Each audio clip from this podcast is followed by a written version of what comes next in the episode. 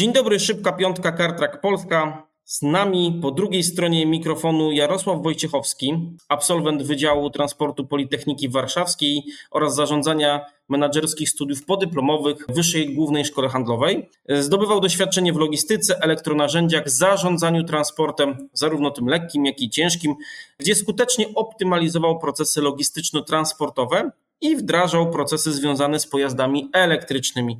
Obecnie pan Jarosław zarządza flotą pojazdów w Instytucie Meteorologii i Gospodarki e, Wodnej.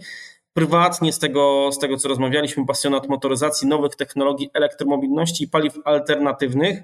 Nie tyle, że będzie dzisiaj pod naszym ostrzałem, natomiast e, pan Jarosław zgodził się, żeby na e, szybkie pięć pytań odpowiedzieć. Witam, dzień dobry serdecznie panie Jarosławie. Dzień dobry, witam serdecznie. Przed nami krótki, aczkolwiek treściwy zestaw pięciu pytań. E, w związku z tym, zgodnie z zasadami, zaraz przejdziemy do, do ich zadawania. Będę prosił o krótkie, treściwe, rzeczowe i w punkt odpowiedzi.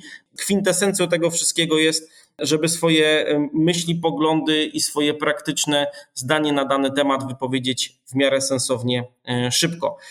A pierwsze z tych pytań brzmi: co Pana zdaniem, Panie Jarosławie, w obecnej sytuacji ekonomicznej i geopolitycznej najbardziej utrudnia fleet managerom planowanie i kontrolowanie kosztów, na co powinno się zwracać pilną uwagę, aby flota po prostu była w przedsiębiorstwie rentowna w obecnej tej sytuacji?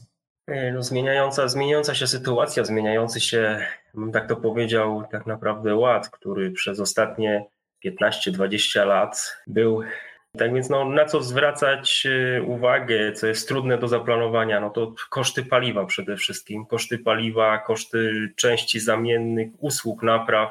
To jest, to jest trudne, trudne do zaplanowania. Można oczywiście do kosztu X dodać 15%, 20% inflacji, no i wtedy ten koszt zaplanować, że będzie na poziomie X no ale, ale to nie jest, to nie jest jakby rozwiązanie, no bo można przeszacować, no i wtedy planujemy kwotę, kwotę X, no i wtedy wydatkujemy mniej, przeszacujemy.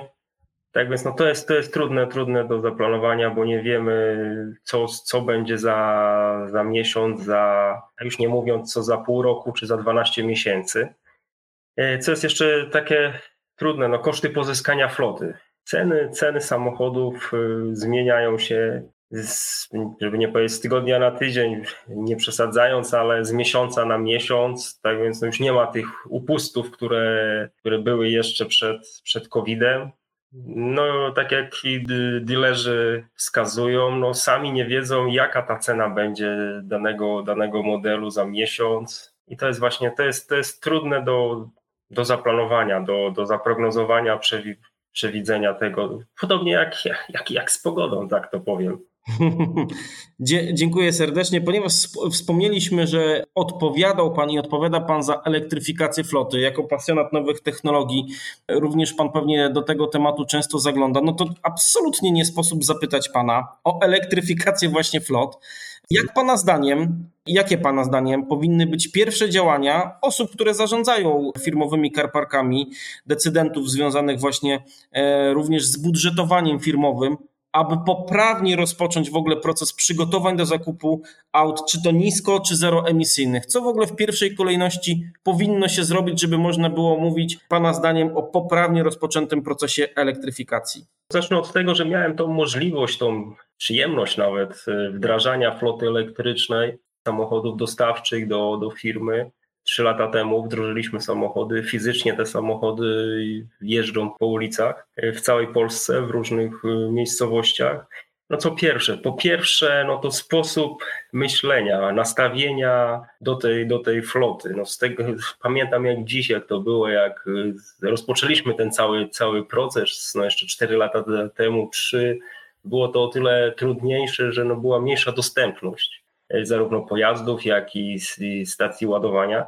No i to, to nastawienie, nastawienie ludzi, którzy nigdy nie mieli do czynienia z samochodem elektrycznym, żeby, żeby inaczej na to spojrzeli, że w momencie jak do tego samochodu się wsiądzie, nawet i przejedzie, to wtedy, wtedy namacalnie można to dotknąć i, i zobaczyć, jak samochód elektryczny jest porównywalny z samochodem spalinowym. No to to jest jako jeden.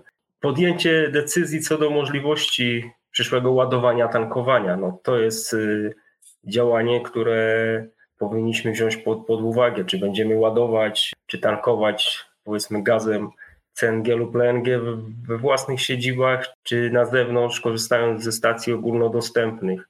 No i trzy, trzeba wziąć pod uwagę, jakie nam tak naprawdę potrzebne są te, jeżeli mówimy o autach, no to jakie przede wszystkim zasięgi, czy te zasięgi mają być faktycznie te maksymalne, czyli powiedzmy po te 500 kilometrów y, według WLTP, czy, czy, czy wystarczy nam na przykład 250, no bo wiadomo, no czym większy, większa bateria w samochodzie, no to wiąże się to z wyższym kosztem, z wyższą ceną pojazdu. No a jeżeli będziemy dziennie pokonywać powiedzmy 100, 150 do 200 kilometrów, no to po co nam samochód z baterią umożliwiającą przejazd na jednorazowym ładowaniu 500 km.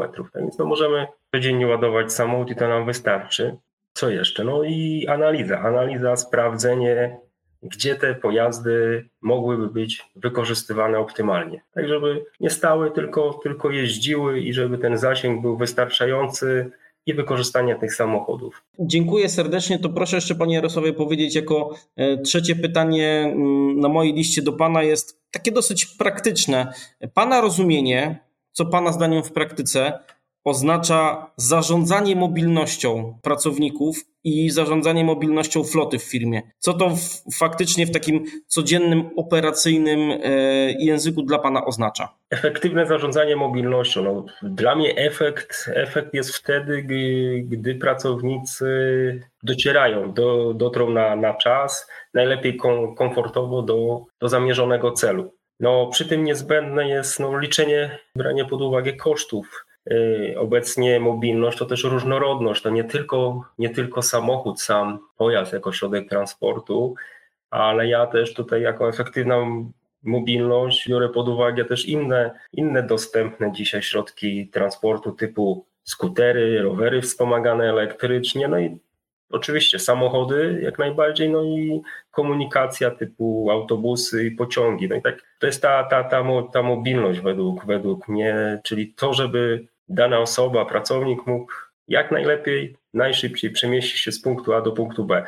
Przechodząc dalej, panie Jarosławie, jak pana zdaniem prawidłowo egzekwować zapisy polityki flotowej, no żeby ona po prostu nie była martwa, bo samo stworzenie dokumentu, czy to będzie szerzej strategia flotowa, czy polityki flotowej, jest pewnym wyzwaniem. Natomiast jak zrobić, aby jej zapisy były po prostu wobec codziennych zadań operacyjnych kierowców, pracowników realizowane, żeby ten dokument, który z mozołem wielu menadżerów flot, wielu decydentów flotowych tworzy, po prostu nie były martwe, żeby to był dokument dla samej sztuki. Co takiego Pana zdaniem trzeba byłoby zrobić, wdrożyć, jak to kontrolować, żeby faktycznie e, polityka flotowa w firmie była realizowana? Czy może zacznę, zacznę tak trochę z innej, z innej strony, że no nie ma złotego środka dla, dla każdej firmy, instytucji. Nie, nie będą zapisy polityki flotowej jednoznaczne, no bo inaczej, inaczej polityka flotowa będzie dla kierowcy handlowca, a inna będzie dla kierowcy karetki pogotowia. Więc no tutaj no, pierwsze co powiem, to właśnie wiąże się to ze specyfiką działalności. Żeby ta polityka była, była flotowa, realna, no to też no, trzeba moim zdaniem oderwać się od tego biurka, no bo za biurka to trochę inaczej życie wygląda i zobaczyć, jak to w rzeczywistości niekiedy wygląda, czy, czy to te zapisy, które bardzo często są umieszczone e, na stronach, można powiedzieć, podręcznika niekiedy, czy, czy są realne, czy są do, do, do wykonania. No, ja tutaj biorę pod uwagę to, żeby, żeby rozmawiać. Rozmawiać, warto rozmawiać i, i spojrzeć na to też od tej strony, strony fizycznej, strony operacyjnej, jak to się odbywa i czy to jest realne. Jeżeli to będzie realne, no to wtedy nikt nam nie zarzuci i możemy egzekwować te zapisy, które w niej tej polityce zostały, zostały umieszczone. No i, i co więcej, no też y, nagrody i kary, tak może kolokwialnie, czyli też no,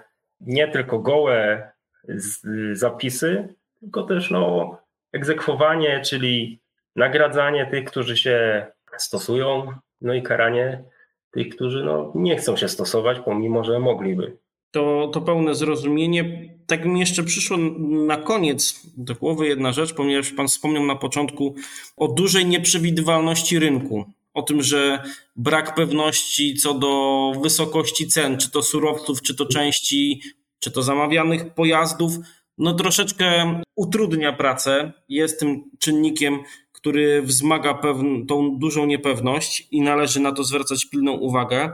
Więc na koniec jeszcze Pana e, zapytam, jak Pana zdaniem, właśnie przy tych rosnących cenach e, samochodów, przy tym, jak te pojazdy są dostępne, czy to na stokach, jaka jest też przy długości oczekiwania na nowe samochody, e, jak to wszystko wpływa na Pana pracę, jak Pan myśli, to wpływa pracę też na kolegów i koleżanek z branży, jeżeli chodzi w ogóle o strategiczne planowanie działań Fleet Managera. Czy można w ogóle mówić o czymś takim, jak strategiczne planowanie, czy bardziej od planowania przychodzicie już, Pana zdaniem, Państwo bardziej w stronę reagowania niż planowania? No, jak najbardziej. No, trzeba, trzeba moim zdaniem planować, planować strategicznie, mieć tą wizję i patrzeć na to, co może być za, za rok, za dwa, za trzy. No ma to, owszem, ma to duży wpływ na pracę. No szczególnie, szczególnie ma to znaczenie przy, przy, przy wynajmie pojazdów, no bo kończy nam się umowa powiedzmy za, za rok, samochody zostaną, będą musiały być zwrócone, no bo tak zobowiązuje umowa. Nie ma możliwości przedłużenia, no i wtedy, i co wtedy?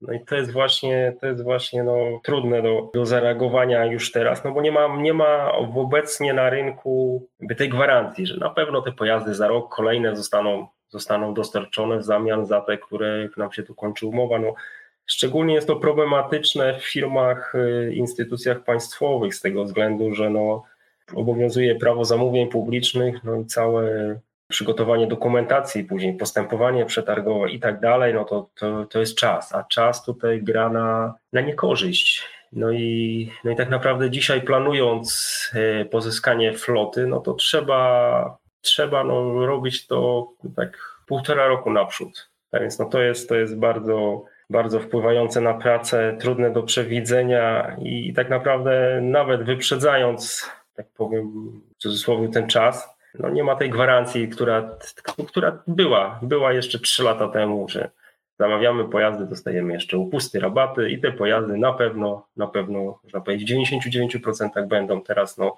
nie ma, nie ma takiej gwarancji. Panie Jarosławie, ja bardzo serdecznie dziękuję, że, że zechciał Pan się podzielić swoimi opiniami, uwagami, zwłaszcza jeżeli mamy właśnie taki bardzo wymagający czas i poprzednie lata i najbliższe na pewno do spokojnych nie należą, więc wyzwań i, i panów zawodowych na pewno brakować nie będzie. Serdecznie jeszcze raz dziękuję za Pana doświadczenie, które Pan zechciał przelać przez mikrofon w naszą stronę i podzielić się tymi informacjami z naszymi słuchaczami. Dziękuję. Thank.